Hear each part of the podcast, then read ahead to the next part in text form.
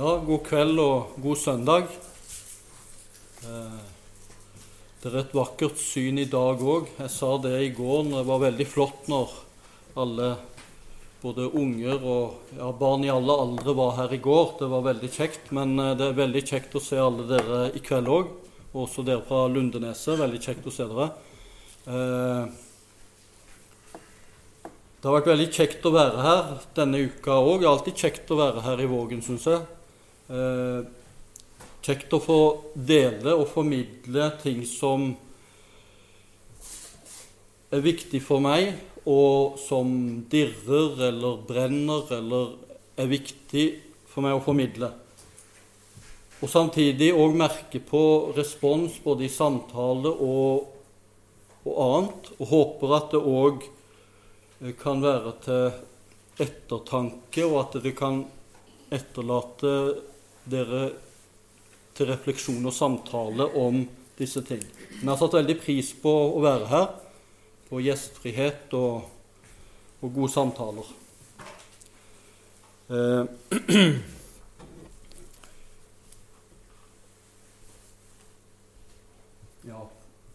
Pinner det er jo litt, Jeg er jo vokst opp i Japan, så det er litt eh, med min bakgrunn. Men det er også fordi eh, jeg følger litt ekstra med på Japan. Og her er på en måte hilsen via Instagram fra Tone og Ole Bjarne, eller på Instagram Ferdige fotspor. De ønsker oss god søndag. De er jo åtte timer foran oss. Og nå er det jo kveldsmøte her, så det er jo enda lenger siden enn åtte timer nå. Eh, gudstjenester i Aotani og Yonago. Eh, vi står i en stor sammenheng, misjonssammenheng. Det må vi aldri glemme i en misjonsforsamling. Eh, og Derfor så må vi stadig minne oss på det flotte og store arbeidet som vi står i. Eh, og Ole Bjarne og Tone og andre misjonærer rundt omkring de praktiserer jo litt av det som vi snakker om, barmhjertighetens kroppsspråk. De har gått på sine vakre føtter, som er vakre fordi de bringer gode nyheter til japanerne. De har flyttet inn i nabolaget der de bor, blant japanere. For med et barmhjertig blikk og med hjerter som engasjerer seg, og hender som òg kan hjelpe praktisk, så vil de formidle barmhjertigheten, de gode nyhetene. Evangeliet er mer enn vakre ord. Det har også et kroppsspråk. Ellers så syns jeg det er flott eh, å se alle ungene som var her i går. Eh, flotte søndagsskolen som dere har, som jeg fant på Facebook-sida eh, og sånt. Eh,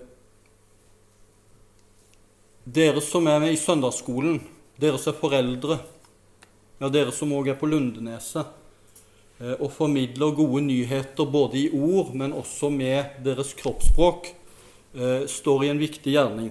Og så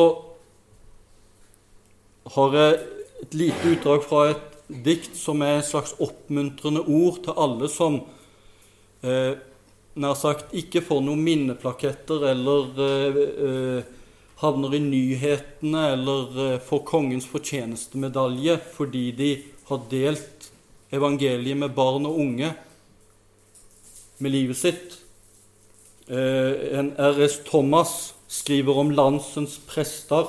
Det har også vært til trøst for meg som en reisepredikant i Misjonssambandet.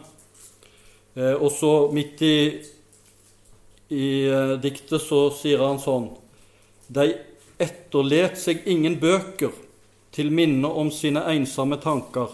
I gråe prestegjeld skreiv heller høge ord i menneskehjarta og barnesinn, ord som altfor snart vart gløymde i si tid, eller bortanfor tida, skal Gud rette opp alt dette. De fleste av oss etterlater oss ikke bøker eller blir lagt merke til. Men dette å så de gode nyhetene i menneskehjertene, i barnesinn, som fort blir glemt sånn som vi ser det, Og det er ikke alltid en ser sporene av det, men Gud vil sørge for at det gjør sin gjerning. At det bærer sine frukter. Det hadde jeg lyst til å oppmuntre dere som er med på å så i barnesinn og i unge hjerter. Barmhjertighetens kroppsspråk. Send ikke varme tanker, send varme pledd, som jeg begynte med første kvelden. Evangeliet er ikke bare vakre ord, men den som har jordisk gods og ser sin bror lide nød og likevel lukker sitt hjerte for ham, hvordan kan kjærligheten til Gud bli værende i ham? Mine barn, la oss ikke elske med ord eller med tunge, men i gjerning og sannhet. Dette er et av de ordene som dirrer i meg og som I starten så, så jeg på det kanskje som et litt smalt eh, tema, barmhjertighetens kroppsspråk. Men jo mer jeg har lest og jobba med det, jo mer aner jeg at det er veldig i hjertet av evangeliet.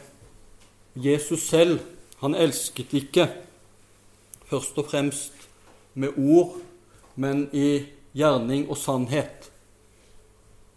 Med å bli født som et menneske med å gå i dypet og dø for våre synder, men også når han gikk omkring og gjorde vel, helbredet, reiste opp de utstøtte og tilga og gjorde vel.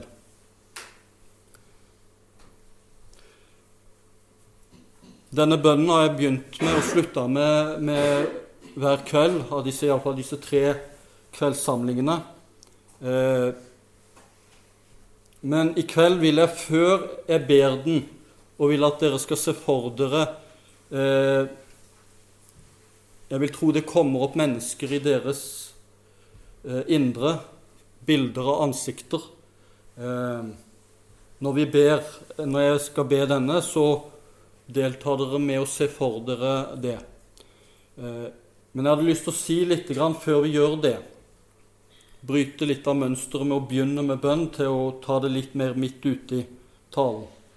Eh, for det første så kan det være at du er her som ikke først og fremst får opp bilder av andre, men som når du leser eller vi ber 'hjelp dem som kjemper', kjenner i ditt indre 'ja, hjelp, jeg kjemper for livet'. Vær nær de ensomme. Jeg føler meg ensom. Reis opp de falne. Ja, jeg ligger nede for telling. Stå hos dem som er i nød. Ja, jeg har det virkelig vanskelig. Helbred de syke. Jeg er syk og vet ikke veien videre. Led tilbake de bortkomne. Ja, jeg har rota meg skikkelig bort. Gi mot, nei, mat til de sultne. Kanskje ikke så mange som kanskje er i den situasjonen her, men sett fri de bundne. Ja, jeg sitter fast i dette eller hint. Løft opp de svake. Ja, jeg føler meg svak og hjelpeløs. Trøst de redde. Jeg er livredd, ja, jeg har faktisk angst i møte med dette og hint. Da er du også med i dette. Og så tenker jeg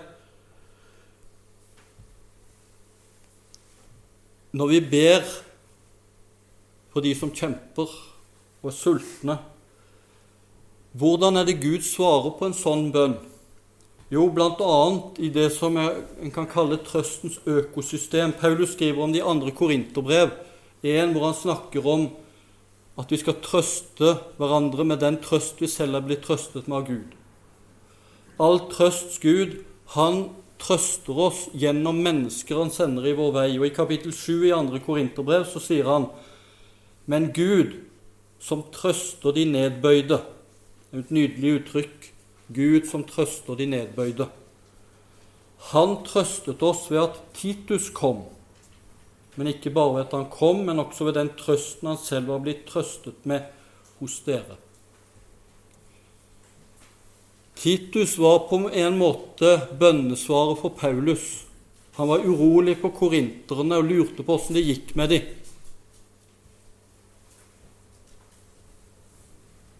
Og så sendte Gud trøsten gjennom bare at Titus kom, men også med de nyhetene han hadde fra korinterne, den trøst han hadde fått hos korinterne.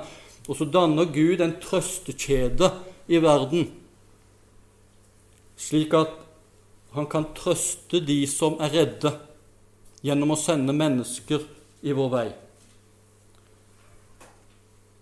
Et trøstens og barmhjertighetens økosystem. Så når vi ber denne bønnen og tenker på bønnhørelse, så svarer ikke Gud bare nær sagt sånn ut av himmelen. Jo, han kan gjøre det òg av og til. Han kan definitivt komme nær de ensomme, sånn at de kjenner at Jo, nå kjenner jeg at Gud er nær. Men det kan like mye skje med at han sender et menneske i dets vei som kan skape et fellesskap, som kan gi en ny relasjon. Tenk også på Peter og Kornelius.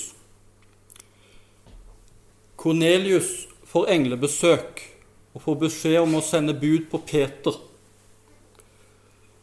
For han skal tale ord til deg som du skal bli frelst ved. Peter får òg englebesøk. Han må gjennom en prosess, for han er ikke helt klar til å gå inn i en hedning sitt hjem, tråkke over dørterskelen til en som for en jøde var uren, og dermed gjøre seg religiøst uren. Så gjennom et spektakulært syn med uren mat som han får beskjed om å spise, så skal han lære det at du skal ikke kalle noe menneske urent.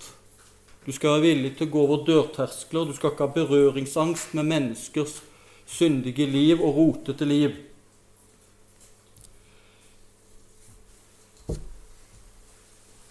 Gud sendte en Peter for at Kornelius skulle bli frelst.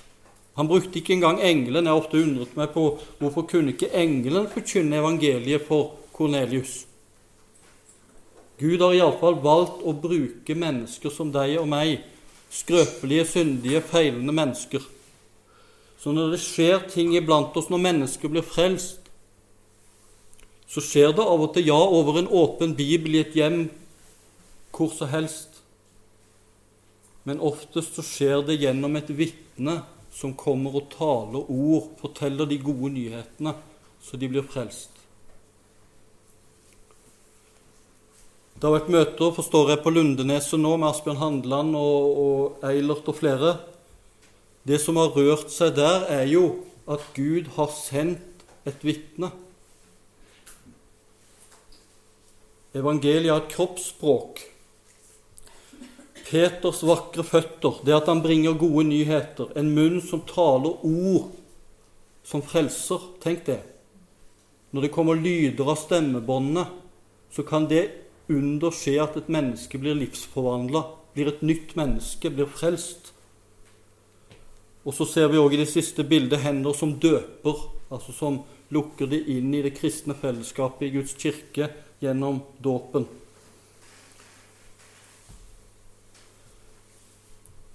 Så når vi ber til Gud, så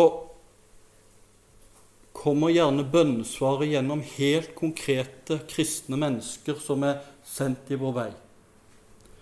Og Hvis vi tar det med, også dette med de som er sultne eller nakne osv. Her er et bilde av en ravn og en krukke. og Det er fra eh, en gammeltestamentlig fortelling om Elia, som i et tilfelle faktisk blir mata av ravner. Som regel så er det vi som mater fuglene. Du ser for deg parker og, og, og vann og sånn. men i dette tilfellet så sendte Gud ravner til å mate, eh, til å mate eh, Elia. Men det er på mange måter unntaket. Som regel så sender Gud mennesker eh, i diakonalt arbeid eller andre som sørger for å gi mat. Og Seinere så møter, eller så blir Elia sendt til en enke enke, en fattig enke, eh, som har så lite mat at eh, hun er ute når Elia kommer og spør om han kan få vann og kan få mat.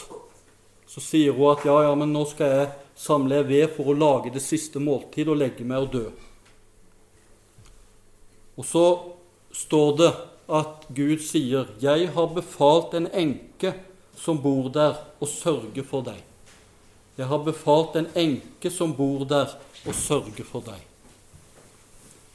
Barmhjertighetens far, all trøsts Gud, han trøster oss gjennom mennesker som han sender i vår vei. Han sørger for oss gjennom andre konkrete mennesker, barmhjertighetens kroppsspråk. Og Da kan vi kanskje spørre, jeg vet ikke hvor mye du har tenkt på det, men er jeg noens bønnesvar? Som skal være på en måte Jesu hender, Jesu føtter, Jesu munn,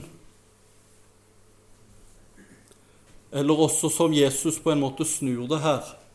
Jeg var sulten, og dere ga meg mat. Jeg var tørst, og dere ga meg drikke. Jeg var fremmed, og dere tok imot meg. Jeg var naken, og dere kledde meg. Jeg var syk, og dere så til meg. Jeg var i fengsel, og dere besøkte meg.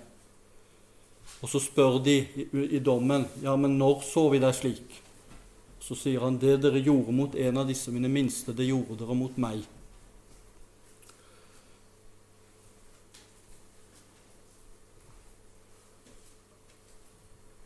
som disse vennene, fire vennene, eller fem vennene, de fire som bærer vennen sin helt til Jesus, så skal vi få bære hverandre til Jesus i bønn. Men av og til så innebærer det òg at vi kanskje av og til rent praktisk er de som med føtter og hender bærer noen eller hjelper noen praktisk med våre hender, barmhjertighetens kroppsspråk. Så når jeg nå skal be denne bønnen høyt, og du kan få delta inni deg med bønnen, så kan du både se for deg mennesker som kjemper, som strir, som er bortkomne, og som er redde, eller deg selv. Også kanskje med et nytt perspektiv om at også jeg kanskje, når jeg ber denne bønnen, også vil bli sendt eller befalt om å være en som skal sendes i en annens vei. Skal vi be. Herre, ditt navn er det første av alt som er. I ditt navn har vi håp. Åpne våre øyne så vi kan kjenne deg, du som er den høyeste av alt som er høyt, den helligste av alt som er hellig. Hjelp dem som kjemper. Vær nær de ensomme. Reis opp de falne. Stå hos dem som er i nød. Helbred de syke. Led tilbake de bortkomne. Gi mat til de sultne. Sett fri de bundne. Løft opp de svake. Trøst de redde. Amen. Vi har en barmhjertig far og Jesus sier i bergprekenen, 'Vær barmhjertige, slik deres himmelske Far er barmhjertig'. Og disse ordene som brukes som, altså, som er barmhjertighet eller miskunnhet eller nåde, eh, har alle noen nyanser, eller fanger opp noen nyanser av det som er, det som er på grunnspråkene i vår bibel. Jeg liker jo det uttrykket som på engelsk 'unfailing love', Altså en kjærlighet som ikke svikter, som er trofast. Og Ingvar Fløysvik, som kanskje noen kjenner til, han eh, har en oversettelse av Salme 5,8 som er nydelig, av dette uttrykket som ofte oversettes med miskunnhet eller barmhjertighet. Men jeg, for din store, trofaste kjærlighets skyld, kan jeg gå inn i ditt hus. Barmhjertigheten til Gud handler om en trofast stor kjærlighet som er til å stole på, som er varig. Og han lar sin sol gå oppover både onde og gode, sier Jesus. Vi har en barmhjertig far. Og så syns jeg dette maleriet av eh, Oskar Jansen Uh, Han er sønn til en som går på Misjonshuset i Haugesund. Uh, nydelig også uttrykk for det fra uh, for, eh, Jesu lignelse eller fortelling om den bortkomne sønn og faren som omfavner den hjemvendte sønnen. Også et slags barmhjertighetens kroppsspråk, omfavnelsen, som både er helt konkret her, men som også kan ses i overført betydning. I kveld så vil jeg dvele litt med Jesu siste kveld før han gikk inn i mørket, i lidelse og død, i den natt han ble forrådt, som også lærer oss noe om Jesu kroppsspråk, barmhjertighetens kroppsspråk. For i den natt han ble forrådt, så tok han et brød, og så innstifta han nattværen. Det er et veldig konkret uttrykk som er veldig kroppslig og sanselig, og som forteller noe om Guds eh, nåde og barmhjertighet som han deler med oss på en veldig konkret og kroppslig måte. Og Så tok han også et vaskevannsfat under måltidet og begynte å vaske disiplenes føtter. En veldig underlig og sterk hendelse som sier mye om barmhjertighetens kroppsspråk opp-ned-riket, Guds rike, som et annerledes rike. Og i, under dette måltidet så sier han også denne viktige lignelsen, eller disse viktige ordene, om seg selv som vintreet og oss som greiner på treet, og at det er bare når vi er innpodet på Han, at vi kan bære frukt. Og I det ligger også en dyp hemmelighet i forhold til barmhjertighetens kroppsspråk hvis det skal realiseres i denne verden, at menneskene rundt oss skal bli utsatt for dette barmhjertighetens kroppsspråk. Det at vi selv er utsatt for barmhjertighetens kroppsspråk av Jesus selv. Johannes 13. Eh,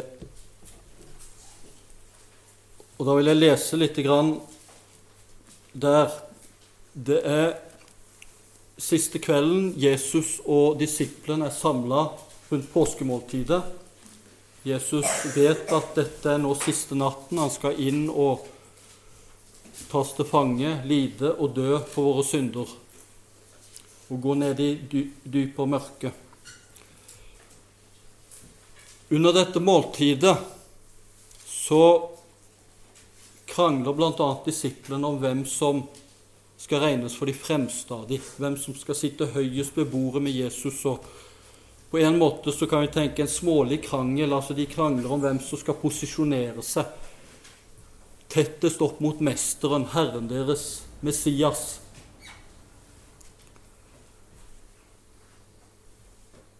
Og så skjer dette underlige og sterke stykke som vi nå skal lese fra vers 4. Da reiser han seg fra måltidet, legger av seg klærne og tar et linklede og binder det om seg. Deretter slår han vann i et fat og begynner å vaske disiplenes føtter, tørke dem med linkledet som han hadde bundet om seg. Jesus sier ikke noe foreløpig, han bare reiser seg. Og jeg aner formelig stillheten i rommet. De har krangla om hvem som skal være den fremste, posisjonere seg i forhold til mesteren. Og for oss som kanskje ikke er helt inside, men det å vaske føttene var på en måte slavens arbeid, tjenerens arbeid. Det var på en måte noe av det laveste og så kan vi ane spenningen og kanskje forvirringen hos disiplene. Og kanskje litt beskjemmelse i forhold til det de har krangla om og snakka om og tenkt i sitt indre. Og så tar han av seg og binder opp om seg og begynner å vaske disiplenes føtter.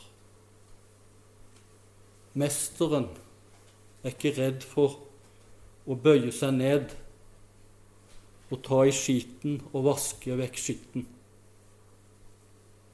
I Filipperbrevet så skriver Paulus denne nydelige så å si høysangen om Jesus. Han som han holdt, var i Guds skikkelse. Han holdt ikke for et røvet bytte, men ga avkall på det og tok en tjeners skikkelse på seg. Og da han var funnet som et menneske, ble han lydig, lydig til døden på korset.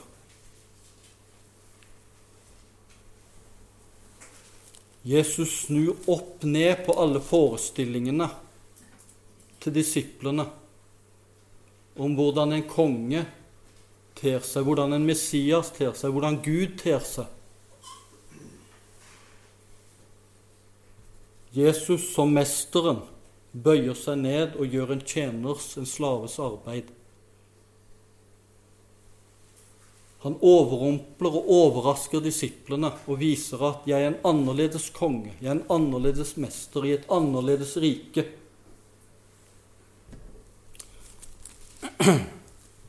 Og så ser vi reaksjonen i neste vers når han kommer til Peter. Han kommer da til Simon Peter, og denne sier til ham, 'Herre, vasker du mine føtter?' Jesus svarte og sa til ham, det jeg gjør, forstår du ikke nå, men du skal skjønne det senere. Peter sier til ham, Aldri i evighet skal du vaske mine føtter. Jesus svarte ham, Dersom jeg ikke vasker deg, har du ingen del med meg. Simon Peter sier til ham, Herre, ikke bare mine føtter, men også hendene og hodet. Jesus sier til ham, Den som er badet, trenger ikke å vaske annet enn føttene. Er jo, han er jo helt ren. Også dere er rene, men ikke alle. For han visste hvem som skulle forråde ham. Derfor sa han dere er ikke alle rene. Peter han er ikke redd for å reagere. Han er den impulsive. Her er et maleri som jeg syns er nydelig når det gjelder Jesus og vasker Peters føtter. Han merka og skjønte det, det, For han så var dette helt feil. Litt slik som hans tidligere hadde reagert når Jesus hadde begynt å snakke om rett etter at Peter hadde bekjent at du er Messias, den levende Guds sønn. Og så sier Jesus etterpå at jeg skal bli tatt til fange, bli spytta på, og jeg skal lide og dø. Og så protesterer Peter heftig. Det må aldri skje det. Det kan ikke være sånn at Messias, mesteren, skal ydmykes, lide og dø og tape. Og da sier jo Jesus de sterke ordene 'Vik bak meg'. Du kjenner ikke til det som har med Gud, Gud, Gud å gjøre, bare det som menneskers. Og Sånn sett så representerer Peter oss alle at det er ikke lett å forstå Guds vei, Guds handlemåte i verden. Hvordan han vinner seier gjennom tap hvordan han overvinner hatet gjennom kjærlighetens overgivelse.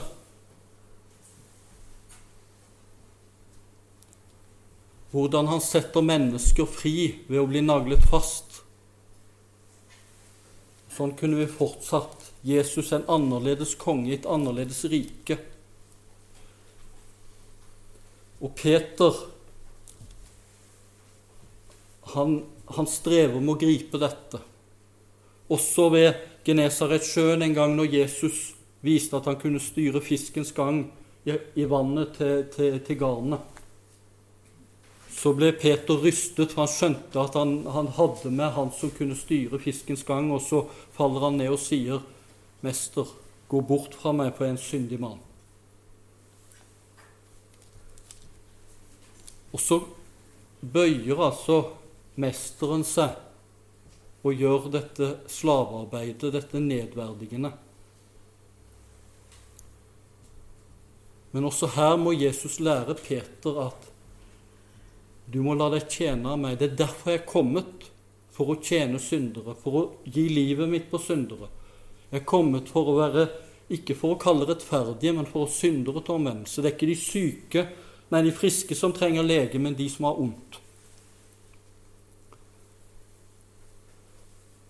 Og så Hvis en ser på dette maleriet, så er det nydelig òg med altså Hun ser speilbildet av Jesu ansikt nede i, i, i vannet der òg. Vi ser han ikke direkte.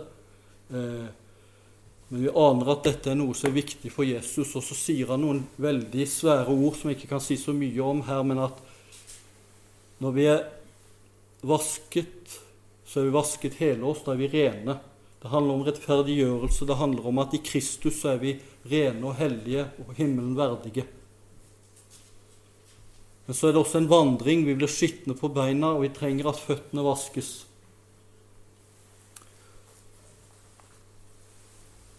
Det er mye å lære av dette underlige kroppsspråket til Jesus, at han bøyer seg ned og vasker disiplenes føtter.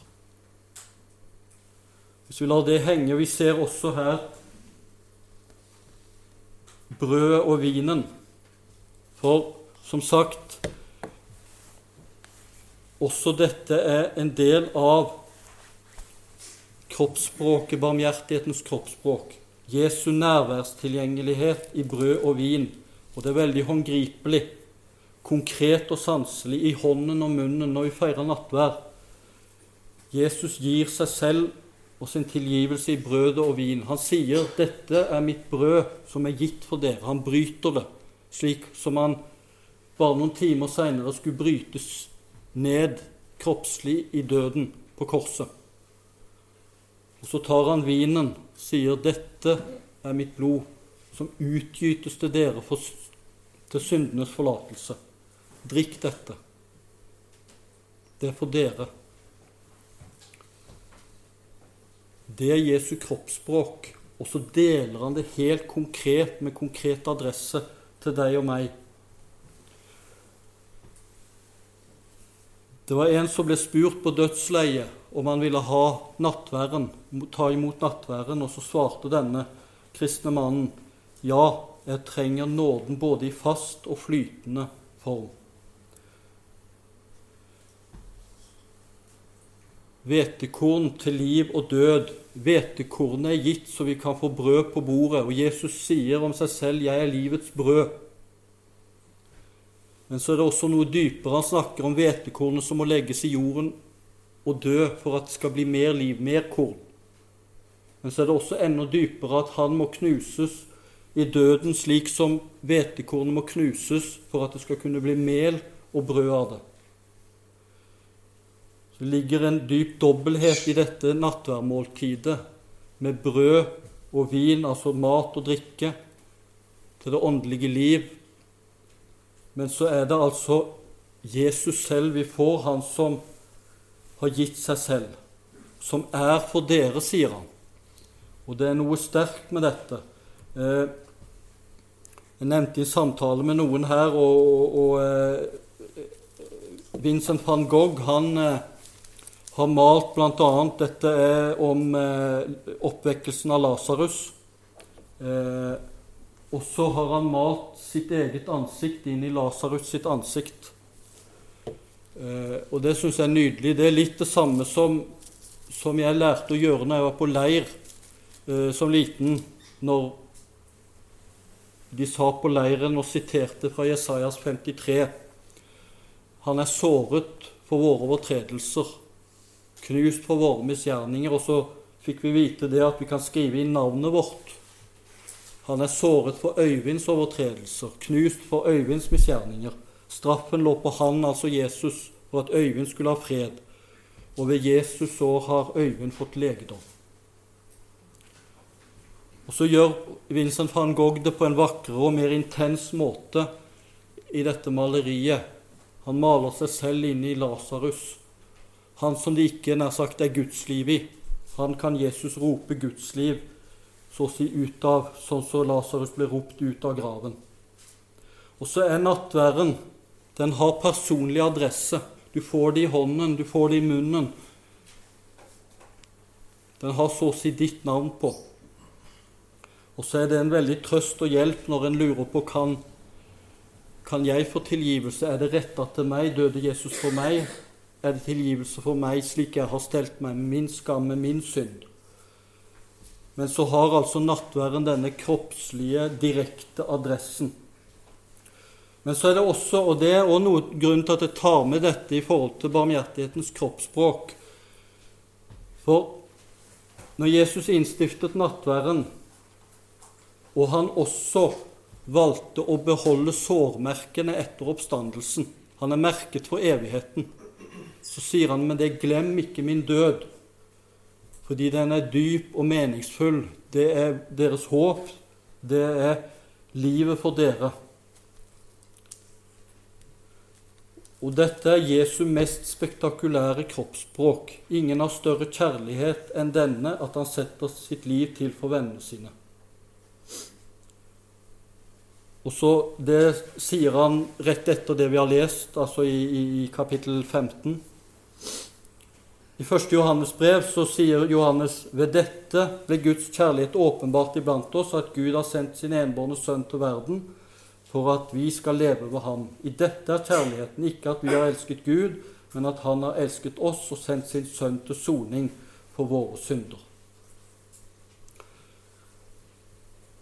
Mine kjære, har Gud elsket oss slik, da skylder vi å elske hverandre. Hvis vi utvider det vi leser her Når Gud har elsket oss slik, slik ingen andre kan gjøre, elsket like til det å dø, da skylder vi også å elske hverandre. Så dette henger dypt sammen. Det vi får ta imot av Jesus, det vi blir utsatt for av Jesus, det er det vi kan dele og bringe videre. Og så sier Jesus, og da fortsetter han der vi har lest, da han hadde vasket føttene deres og tatt på seg klærne, satte han seg til bords igjen. Så sa han til dem, Forstår dere hva jeg har gjort med dere? Dere kaller meg mester og herre, og med rette sier dere det, for jeg er det. Når da jeg som er herre og mester, har vasket deres føtter, så skylder også dere å vaske hverandres føtter. For jeg har gitt dere et forbilde for at dere skal gjøre slik som jeg har gjort mot dere. De fikk noe å tenke på Peter og disiplene. Og vi har noe å tenke på. Slik han har elsket oss, skylder vi å elske hverandre. Det er litt av en standard vi er utsatt for. Og så er det dette på en måte kroppsspråket, hvor vi skal få bære hverandre til Jesus. Vi skal få vaske hverandres føtter, vi skal få hjelpe hverandre helt konkret i, som kristne. Det vi mottar, bringer vi videre. Og altså kort dette med vintre som han snakker om samme kvelden. Jeg er vintre, og dere er grenene.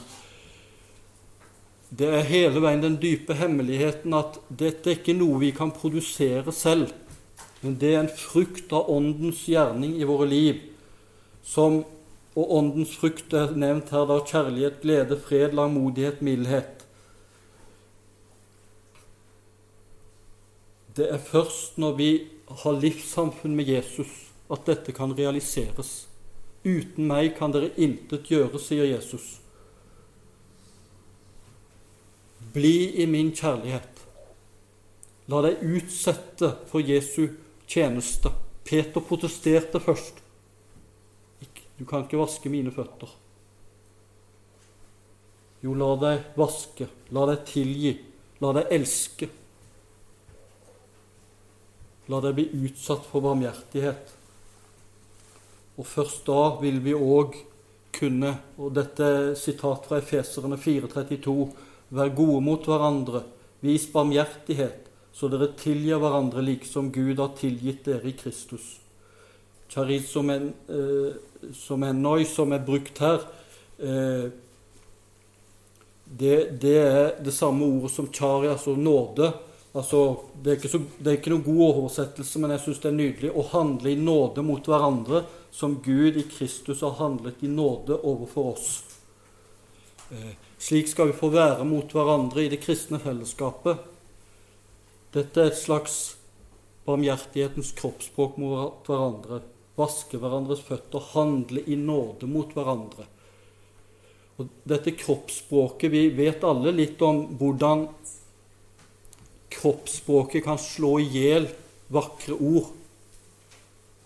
Eh, det gjelder i familielivet og alt òg, at om du sier at du elsker kona di eller barna dine, men du viser i handling at du ikke gjør det altså i, i ekstreme tilfeller at du slår det istedenfor, så slår kroppsspråket i hjel på en måte de vakre ordene.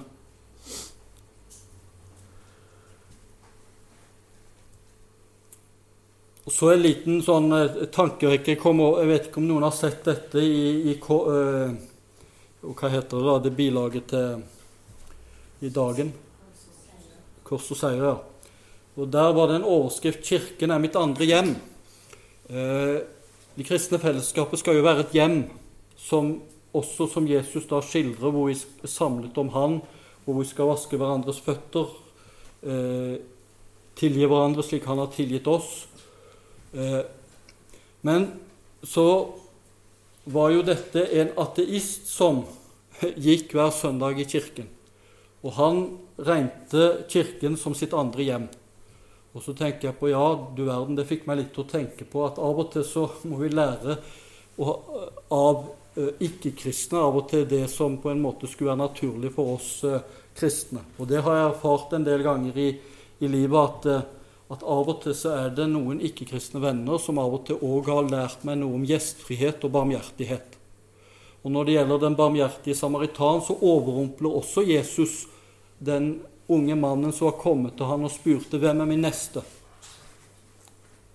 Og Så overrumpler Jesus med en fortelling hvor helten i fortellingen er ingen mindre enn en fra fiendefolket, samaritanerne. Det var han som gjorde det rette. Det var han som viste seg som den barmhjertige. Og Jesus viser også til kvinnen i Sarepta, som ikke var eh, eh, jødisk, men Og slik kan vi lære av eh, også ikke-kristne, pussig nok. For vi er trege til å lære. Så strevde jeg litt med dette med vi har snakket om kroppsspråket ved nattværen og i de kristne fellesskap med å vaske hverandres føtter. Søndagene er vårt andre hjem. Skal, der hører vi til, der skal vi leve, der skal vi få påfyll, der skal vi bli elsket, der skal vi bli utsatt for forkynnelse, der skal vi få lovsynge. Og Så strevde jeg litt med dette med mellom søndagene, for det handler om å leve barmhjertige liv, dette barmhjertighetens kroppsspråk, i familielivet, i hverdagslivet. Og så ble det at jeg tar fram noen av disse tingene som jeg har hatt eh, framme disse kveldene. Og jeg har ikke tid til å repetere de så mye. Men lar vi oss forstyrre, slik Jesus lot seg forstyrre i hverdagen, av mennesker som vi møter i vår vei, som avbryter oss, med de problemene de har, de utfordringene de har. Eller vi snubler over en som har falt blant røvere. Ha i tanke dette at Jesus hadde ikke berøringsangst med spedalske, med de urene. Han satt til bords med syndere og tollere.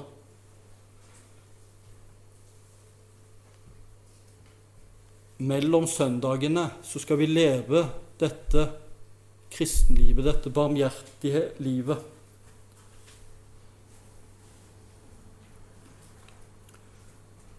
Det blir en del eh, må ta noen glimt av dette mot slutten her nå, med dette med nær sagt føtter, dette med fotvasking. Her er maleri fra eh, kvinnen som kommer i fariserens hus, synderinnen. Eh, Jesus sier om henne som vasker hans føtter med håret og med tårene sine. Og det handler om hengivenhet. Det handler om respons fra den kjærlighet du er utsatt for av Jesus.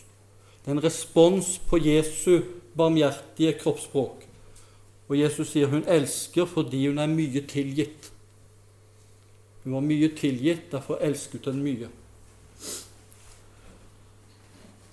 Men så ser vi jeg fant ikke så mye gode malerier på det, men her òg møter vi egentlig denne fortellingen i Lukas 7 kroppsspråk. Jesu kroppsspråk i møte med denne som var regnet som en synderinne. Vi aner spenningen i rommet når hun kommer inn og begynner å vaske Jesu føtter.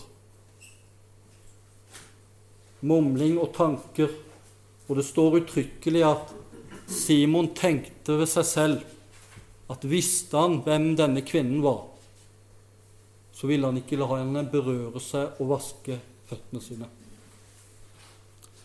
Men Jesu kroppsspråk var at hun var velkommen.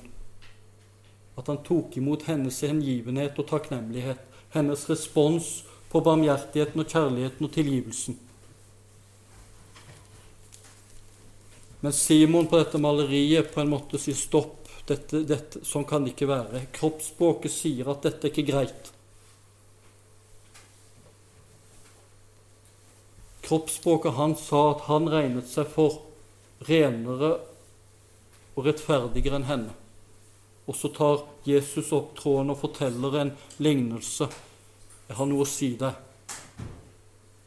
som munner ut i dette at hun elsker fordi hun er mye tilgitt. Men han påpeker òg at hans kroppsspråk i forhold til Jesus Han hadde ikke engang stilt fram vaskevannsfatet. Han hadde ikke vært gjestfri heller mot Jesus. Mens denne kvinnen viste den sanne gjestfrihet.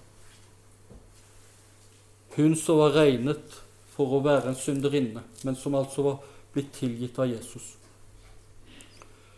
Dette med responsen vi har sunget hver kveld, denne dyreste Jesus, som jeg syns er den nydeligste responssangen, iallfall er det blitt min responssang på det at Jesus har elsket meg. Like til døden elska du meg. Deg vil jeg elske. Deg vil jeg lye. Deg vil jeg tjene. Gjeva meg villig, Herre, til deg. Jeg syns det er nydelig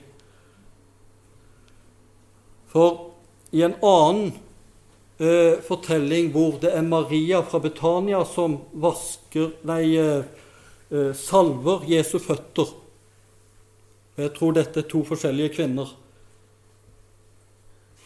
Hun bryter en kjempedyr salve i hengivenhet til sin elskede Herre og Mester, som en respons på barmhjertigheten og kjærligheten hun er blitt utsatt for. Og Jesus tar imot dette kroppsspråket med sitt kroppsspråk. Men nå er det disiplene, bl.a. Judas, som protesterer og sier at denne sløsingen med denne dyre salven, hva er det godt for? Det burde vært solgt og gitt til de fattige. Altså fromhet under dekke av barmhjertighet, men som egentlig med hele kroppsspråket viste at han hadde ikke forstått noe særlig. Jeg fortalte en kveld her tidligere om en misjonær i Japan, eh, Roger. Lother, som forteller en historie om hvordan kristen kirke eh, i eh, Fukushima-området eh, etter jordskjelvet og tsunamien i 2011 en kirke som ble igjen for å vise det barmhjertige kroppsspråket med å dele ut mat, pledd og klær men så forteller han også om hvordan han, var, han er selv musiker, pianist, klassisk musikk, særlig Bach, men også Beethoven og andre, og som skriver i boka noe om eh, det helende The healing power of music in devastation, altså i, i, i katastrofe. Og Da tar han utgangspunkt nettopp i fortellingen med Maria, som sløser med salven, sånn at lukten eller duften av dette fyller hele rommet. Og så blir hun et forbilde på det med sløsende barmhjertighet og kjærlighet,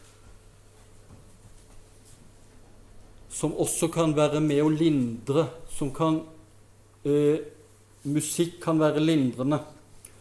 Eh, jeg vet ikke om jeg har tenkt så mye på det, men Iallfall har mange funnet mye hjelp og trøst i, og særlig mennesker som kjemper eller sliter psykisk eller med angst eller med anfektelser, så er ofte mange blitt helbredet og lindret ved å høre sang og musikk. Vi har til og med eksempel fra Gamle testamentet om David som spiller for, for den plagede Saul. Evangeliet må synges, sier Luther, og så sier domkantor Terje Kvam Vi må ta musikken, kunsten, på alvor, ikke som middel, men som mål, som en nødvendig del av gudstjenesten fordi evangeliet må synges.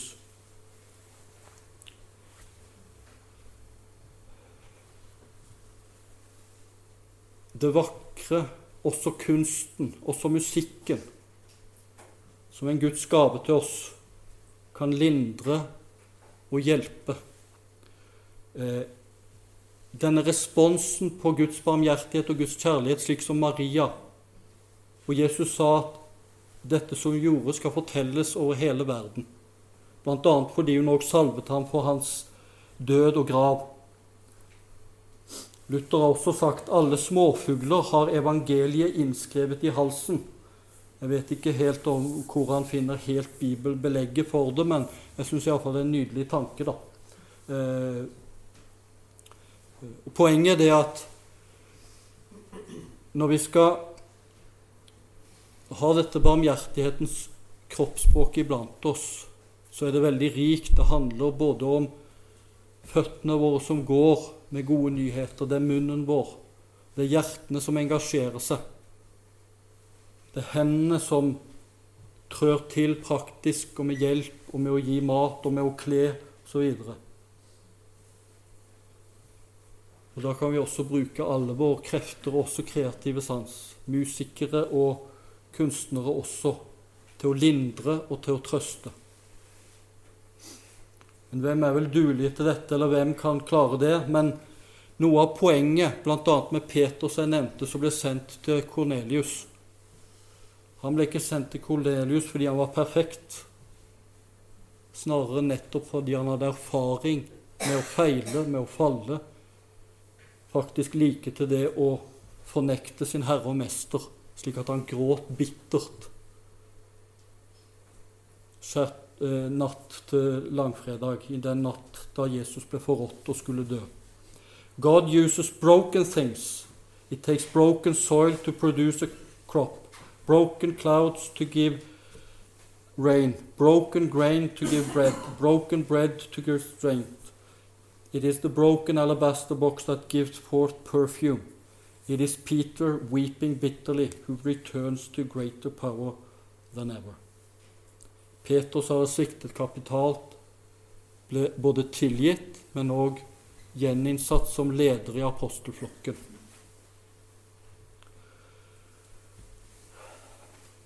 Så barmhjertigheten har et kroppsspråk. Jeg begynte jo kvelden med dette bibelordet om at du kan ikke lukke ditt hjerte. Ikke med ord og tunge bare, men i gjerning og sannhet. Og Det står i denne sammenhengen. På dette har vi lært kjærligheten å kjenne, at han satte livet til for oss. Også vi skylder å sette livet til for brødrene. Men den som har jordisk gods og ser sin bror lide nød og likevel lukker sitt hjerte for ham, hvordan kan kjærligheten til Gud bli værende i ham? Mine barn, la oss ikke elske med ord eller med tunge, men i gjerning og sannhet. Avslutter med denne bønnen igjen. Herre, ditt navn er det første av alt som er. I ditt navn har vi håp. Åpne våre øyne så vi kan kjenne deg, du som er den høyeste av alt som er høyt, den helligste av alt som er hellig. Hjelp dem som kjemper. Vær nær de ensomme. Reis opp de falne. Stå opp, stå opp, stå hos dem som er i nød. Helbred de syke. Led tilbake de bortkomne. Gi mat til de sultne. Sett fri de bundne. Løft opp de svake. Trøst de redde. Amen.